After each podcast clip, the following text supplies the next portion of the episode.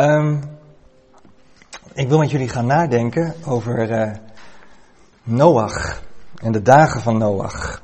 En we gaan eerst uh, met elkaar een gedeelte lezen uit Genesis 6, vers 15 tot en met uh, 6, vers 5 tot en met 14. Um, en dat gaan we eerst doen en daarna ga ik over dit gedeelte ook een aantal dingen zeggen. Genesis 6, vers 5. En de Heere zag dat de slechtheid van de mensen op de aarde groot was. En dat al de gedachtenspinsels van zijn hart elke dag alleen maar slecht waren. Toen kreeg de Heere er berouw over dat hij de mens op de aarde gemaakt had. En het bedroefde hem in zijn hart. En de Heere zei, ik zal de mens die ik geschapen heb van de aardbodem verdelgen, van de mens tot het vee, tot de kruipende dieren en tot de vogels in de lucht toe. Want ik heb er berouw over dat ik hen gemaakt heb. Maar Noach vond genade in de ogen van de Heere. Dit zijn de afstammelingen van Noach. Noach was een rechtvaardig, oprecht man, onze tijdgenoten. Noach wandelde met God. En Noach verwekte drie zonen, Sem, Gam en Jafet. Maar de aarde was verdorven voor Gods aangezicht en de aarde was vol met geweld. Toen zag God de aarde en zie, ze was verdorven, want alle vlees had een verdorven levenswandel op de aarde. Daarom zei God tegen Noach, het einde van alle vlees is voor mijn aangezicht gekomen, want de aarde is door hen vervuld met geweld. En zie, ik ga hen met de aarde te grond richten. Maak voor uzelf een ark van goverhout. In vakken ingedeeld moet u deze ark maken en hem van binnen en van buiten met pek bestrijken. Tot zover het gedeelte waar we vanmiddag met elkaar over willen gaan nadenken. En dat willen we doen aan de hand van drie punten. Drie punten. Noach en zijn tijd. Noach in zijn tijd Noach en Gods tijd. Dus centraal staat een beetje tijd. En we gaan kijken uh, wat de tijd was waar Noach in leefde. Hoe hij daarin functioneerde in die tijd. En als laatste, wat zegt dit over Gods handelen in de tijd? Nou, daar gaan we een beetje over nadenken. Um, wat er dus het probleem is, denk ik, bij het verhaal van Noach, bij de geschiedenis van Noach, dat we daar eigenlijk hele grappige, kinderlijke beelden bij hebben. Als een kind een, iets moet maken, bijvoorbeeld een tekenplaat moet maken van uh, de geschiedenis van Noach, dan zie je vaak Noach staan op een, uh, op een ark, zwaaiend, en de dieren die staan er zwaaiend omheen. En dat, dat is dan een beetje het beeld wat we hebben van Noach. Maar ik denk dat dat toch een verkeerd beeld is als we bedenken wat een enorme catastrofe er op aarde heeft plaatsgevonden omdat God zijn oordeel over de aarde bracht. En is de geschiedenis van Noach een hele ernstige boodschap. En ook een boodschap waar we vandaag heel serieus over moeten nadenken. Want laten we eerlijk zijn, Gods oordeel zal nogmaals over de aarde gaan komen. Of je nou wil of niet. En daarom is het goed om te bedenken, wat voor tijd was het nu? En hoe moet ik mij in die tijd handhaven en hoe ik moet ik mij in deze tijd um, als christen mijn levenswandel leven. Nou, daar gaan we met elkaar over nadenken. Als eerste Noach en zijn tijd. We hebben met elkaar gelezen en de Heere um, in vers um, 5 staat en de Heere zag dat de slechtheid van de mensen op de aarde groot was en dat al de gedachtenspinsels van zijn hart elke dag alleen maar slecht waren. Voor dat woordje gedachtenspinsel, gedachtenspinsel van zijn hart, zou je ook kunnen zeggen de overleggingen van zijn hart. En wat is dan hart? Nou, het innerlijke. Dus het denken, het voelen en het willen was slecht van de mens. Je zou, Psalm 14 zegt het zo, de dwaas zegt in zijn hart, er is geen God, ze handelen verderfelijk, bedrijven gruwelijke daden, er is niemand die goed doet. Er is dus op de hele aarde geen goed mens. Dat is een boodschap die vandaag de dag best wel heel lastig is.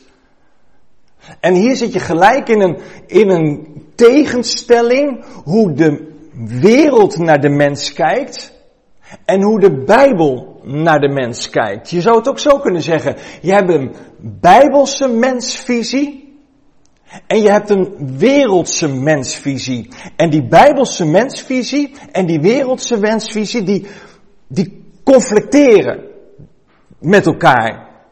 Die zijn niet gelijk aan elkaar. Die leven op spanning met elkaar.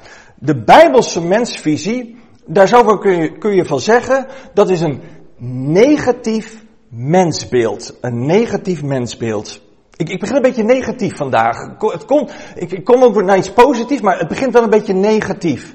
In de zin van, als je kijkt naar de Bijbel, dan zegt de Bijbel over de mens, de mens is van nature zondig. De mens is van nature niet goed. Um, de mens leeft zonder God en zonder de Heer Jezus onder de toren van God. En onder het oordeel van God. Dus zonder Christus, als je iemand tegenkomt die de Heer Jezus Christus niet kent, dan leeft die persoon onder het oordeel van God. Daarom is het zo belangrijk dat mensen de Heer Jezus leren kennen. We vinden dat ook in ons eigen hart best wel eens lastig. Dat je van een niet-gelovige moet zeggen, deze persoon is ten diepste een zondaar en gaat voor eeuwig verloren. En toch is dat de, mens, de Bijbelse mensvisie zoals de Bijbel die ons presenteert.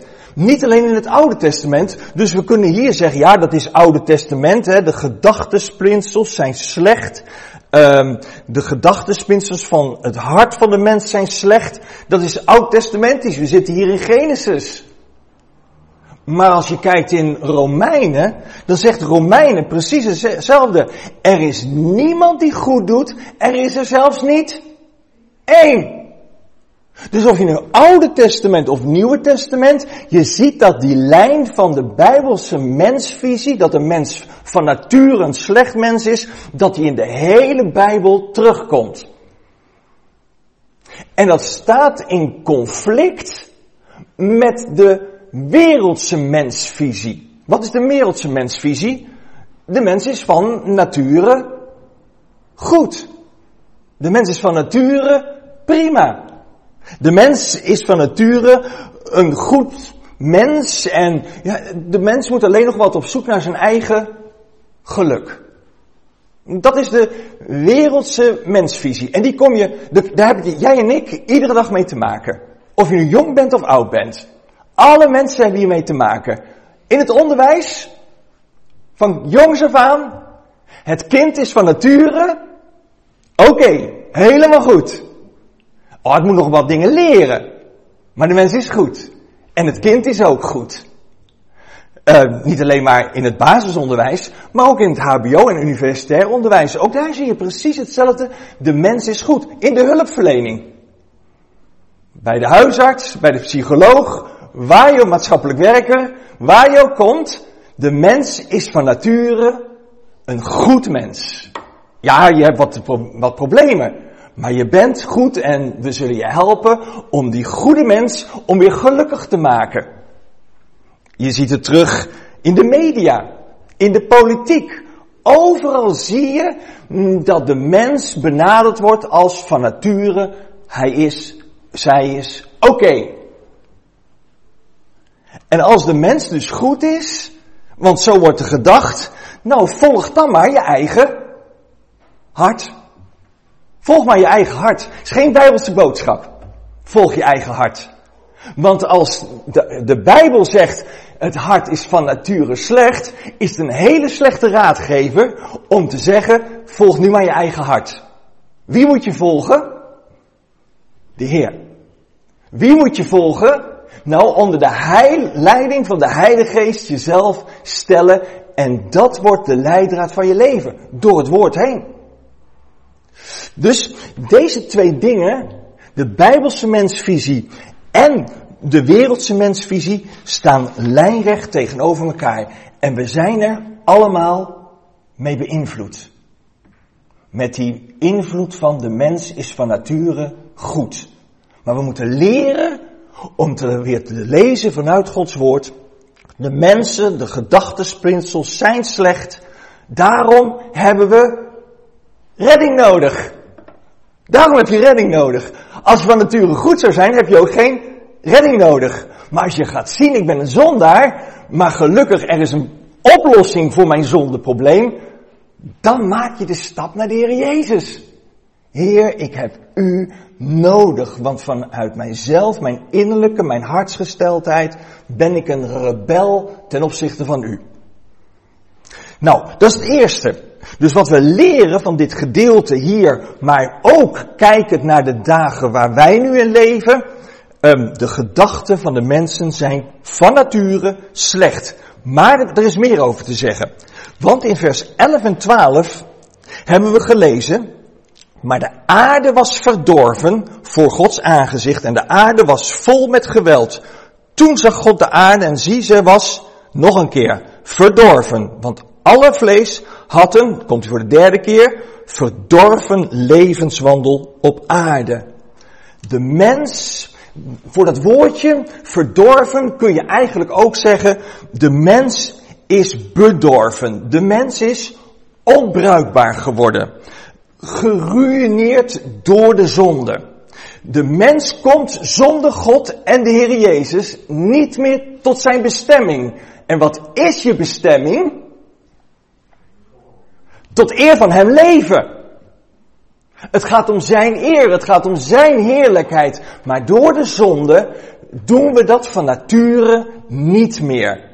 We komen zonder de Heer Jezus niet tot ons doel en dat is tot eer van Christus, tot eer van God leven. Dat is verdorven. De mensen zijn verdorven.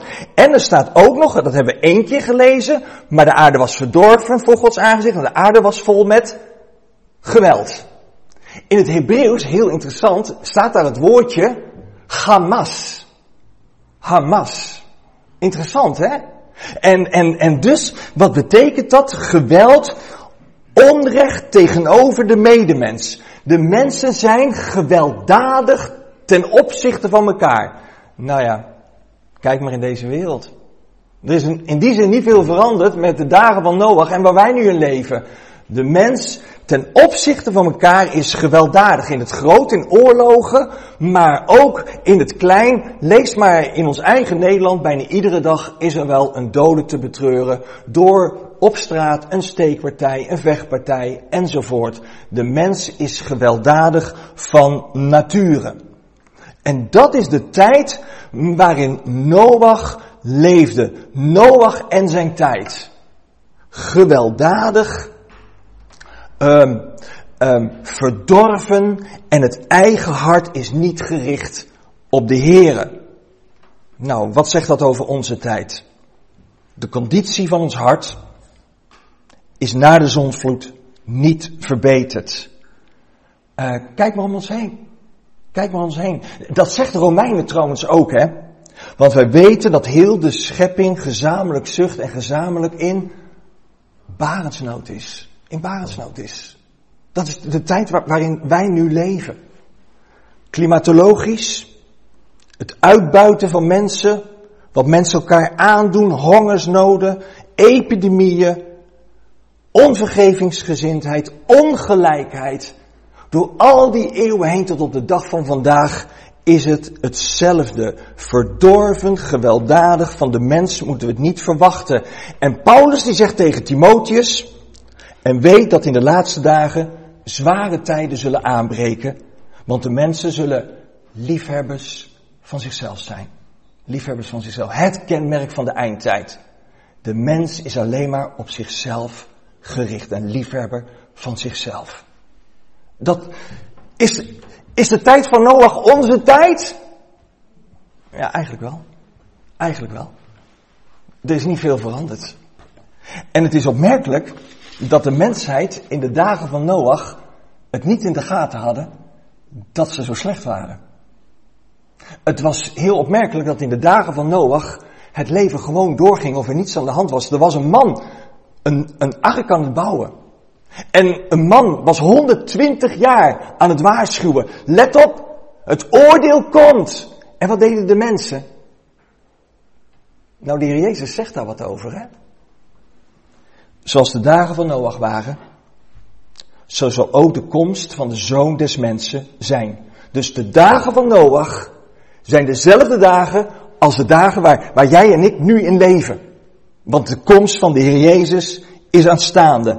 En wat, wat zegt de Heer Jezus dan over die dagen? Want zoals, want zoals ze bezig waren in de dagen voor de zondvloed met eten, drinken, trouwen en ten huwelijk geven, tot aan de dag waarop Noach de ark binnenging en het niet merkten, totdat de zondvloed kwam en hen allen wegnam, zo zal ook de komst van de Zoon des Mensen zijn. Men waarschuwt, let op, er komt een oordeelsdag aan. Let op, er komt een afrekening over de zonde. Let op, er is redding in de Heer Jezus Christus, zoals in het verleden er redding was in de ark. Let op, er is redding bij het kruis. Let op. Ze aten, ze dronken, ze namen ten huwelijk en ze hadden het niet door. Onze tijd. Onze tijd. Nou, dan zal uh, Noach wel uh, erg mismoedig zijn geweest, zeker. Dan zal Noach wel aardig uh, depressief zijn geworden door die tijd heen. Dan zal Noach het zeker wel niet meer zien zitten. Nou, daar lezen we ook wat over. Noach in zijn tijd. En Noach in zijn tijd, ik heb vijf kenmerken gevonden, vijf kenmerken van hoe Noach in die tijd, in die duistere, donkere tijd staande bleef. Hoe moeten wij staande blijven in onze tijd? Vijf kenmerken. Vijf kenmerken. Ik ga ze noemen. Noach heeft genade gevonden. Eén, genade gevonden. Twee, hij is, recht, hij is rechtvaardig. Drie, hij is oprecht. Vier, hij wandelde met God. Vijf, hij werkte met God. Vijf kenmerken van Noach voor zijn tijd, die je zomaar voor je eigen leven, op je eigen leven kan plaatsen. Vijf kenmerken. Ik ga ze uitwerken. Noach in zijn tijd. Hoe leefde hij nu in zijn tijd? In die duistere tijd was hij een licht. Hoe dan? Nou, allereerst, hij heeft genade gevonden. Eerste kenmerk, hij heeft genade gevonden. En genade betekent onverdiende gunst.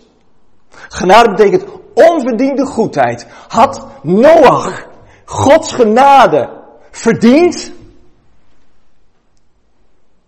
Nee, want alle mensen, hun gedachtenspinsels zijn slecht.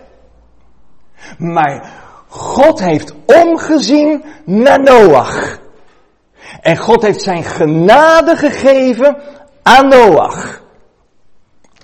Iets wat hij niet verdiend had, heeft hij van God ontvangen. Hoe moet ik dat ongeveer voorstellen, die genade?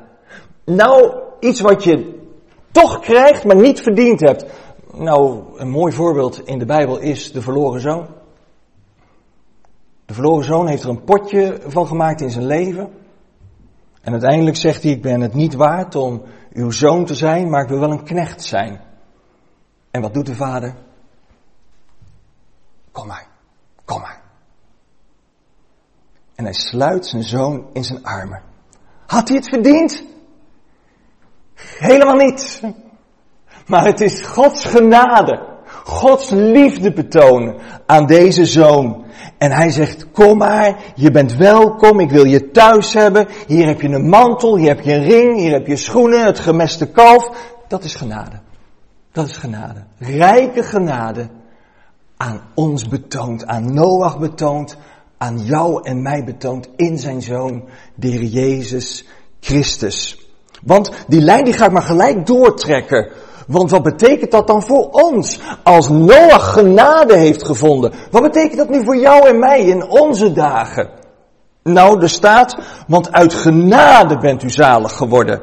Datzelfde woordje, genade bent u zalig. Door het geloof. En dat niet uit u, het is een, amen, een gave van God. God die jou in zijn liefde en in zijn genade aanneemt als jouw kind.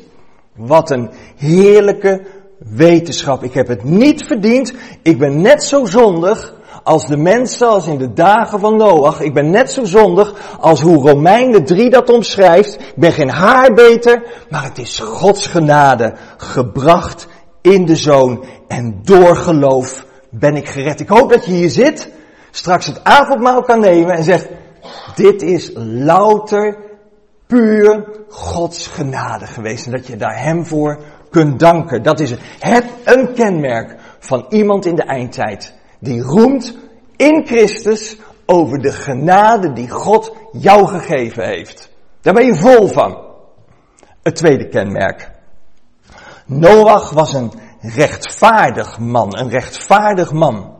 Hebreeën 11, daar wordt ook gesproken over, dat zijn die um, geloofsgetuigen, dat hoofdstuk, daar wordt iets over Noach gezegd. Door het geloof heeft Noach, toen hij een aanwijzing van God ontvangen had van de dingen die nog niet te zien waren, uit ontzag voor God de ark gebouwd, tot redding van zijn gezin.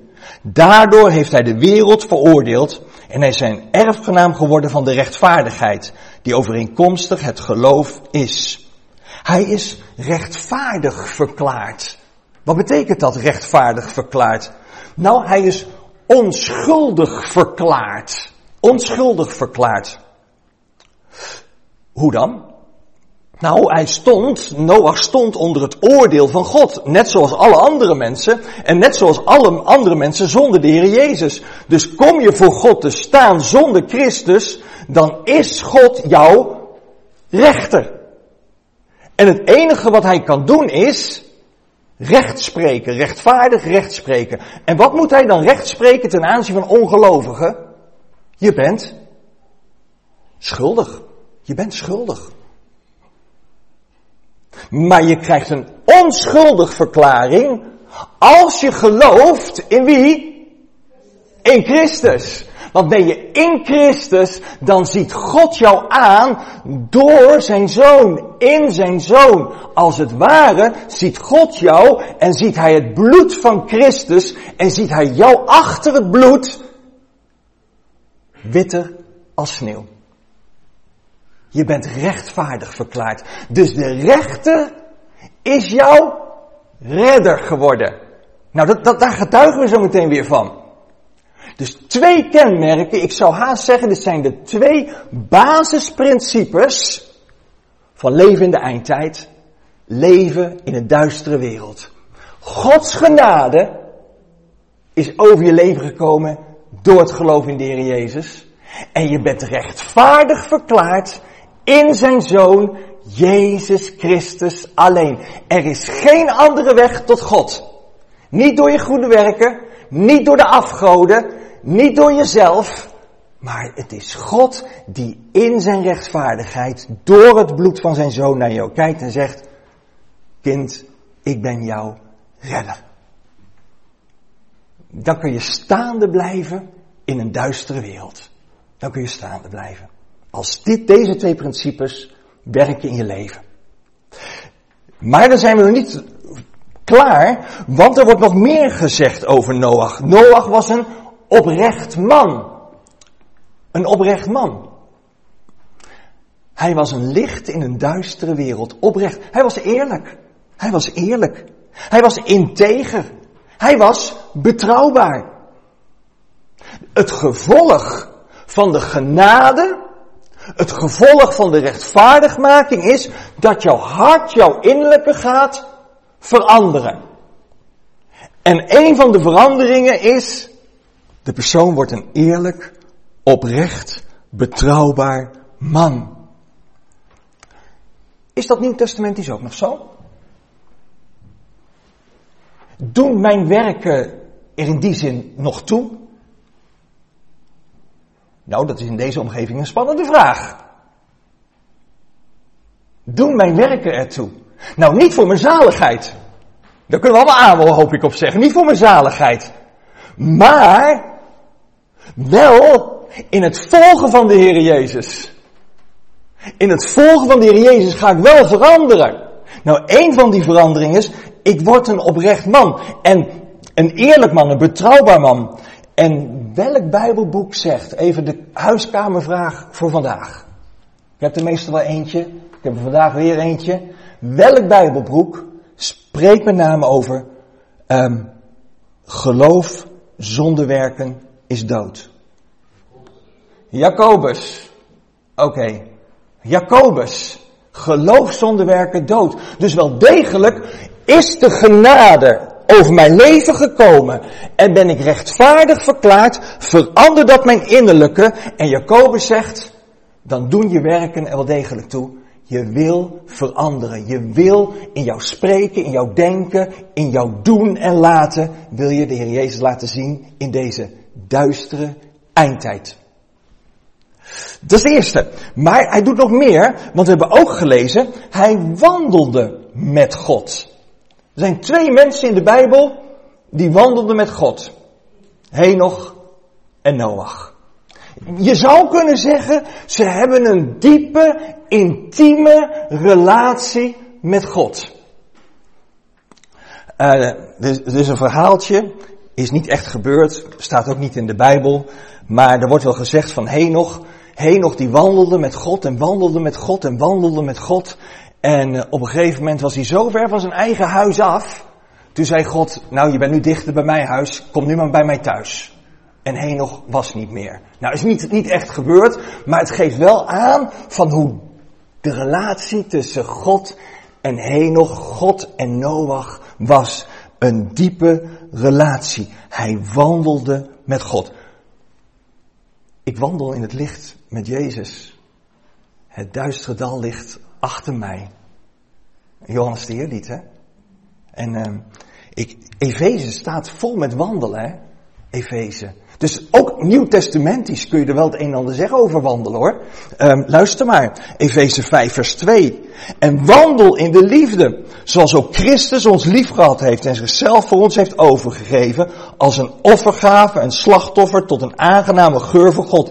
En wandel in de Liefde. Nou, daar hebben we bij de opening ook wat over gehoord. God liefhebben met heel je hart en de naaste als jezelf. Wandelen met Christus betekent liefhebben, elkaar liefhebben. Efeze 5 vers 8. Want u was voorheen duisternis, maar nu bent u licht in de Here. Wandel als kinderen van het licht. Dat is een kenmerk in een duistere wereld. Wandelen in het licht van de Heer Jezus Christus. Efeze 5 vers 15. Let er dan op dat u nauwgezet wandelt, niet als dwaze, maar als wijze.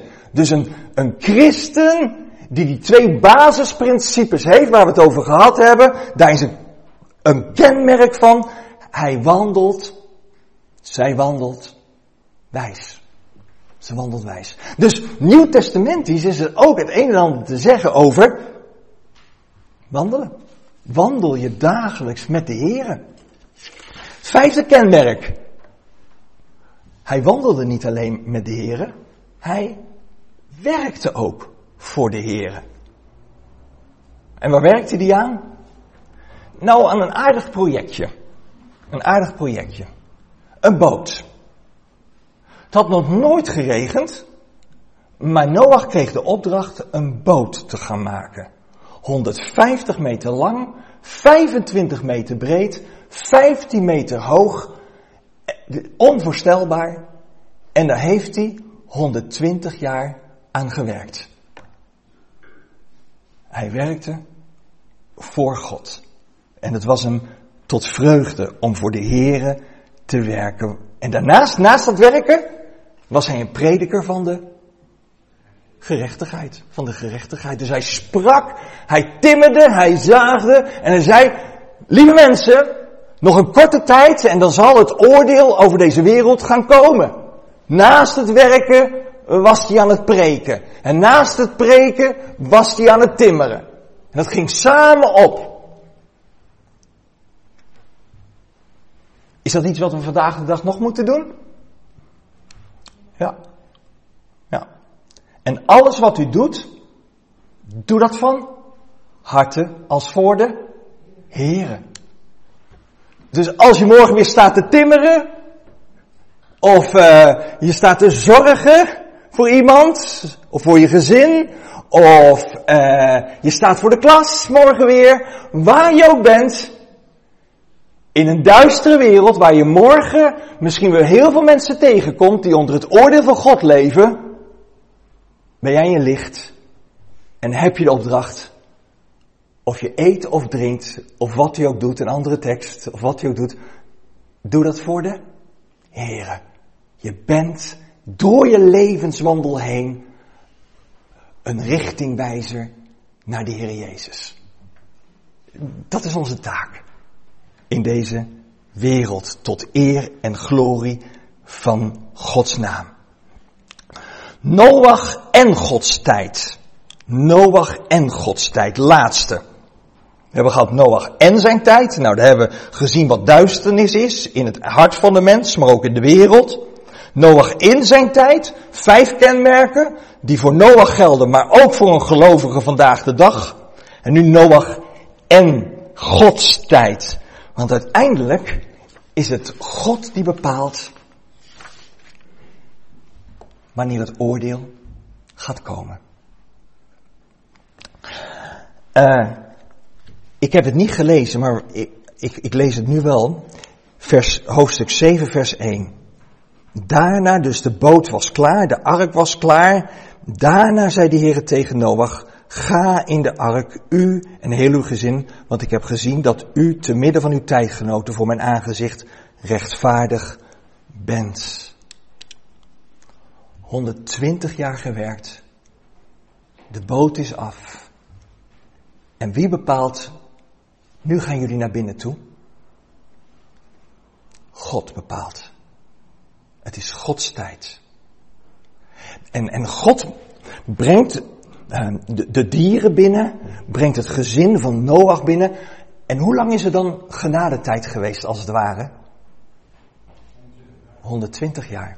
120 jaar van genade. En hij preekte en hij zaagde en hij timmerde en wees op God en wees op het oordeel wat eens zou komen. 120 jaar. Maar toen zei God, en nu is het de tijd. Ga nu naar binnen, want er zal een zondvloed gaan uitbreken.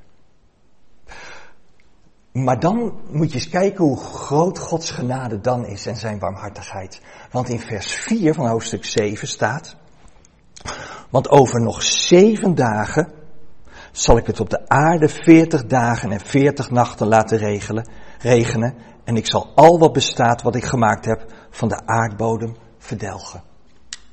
Moet je even voorstellen, 120 jaar. Het gezin is binnen.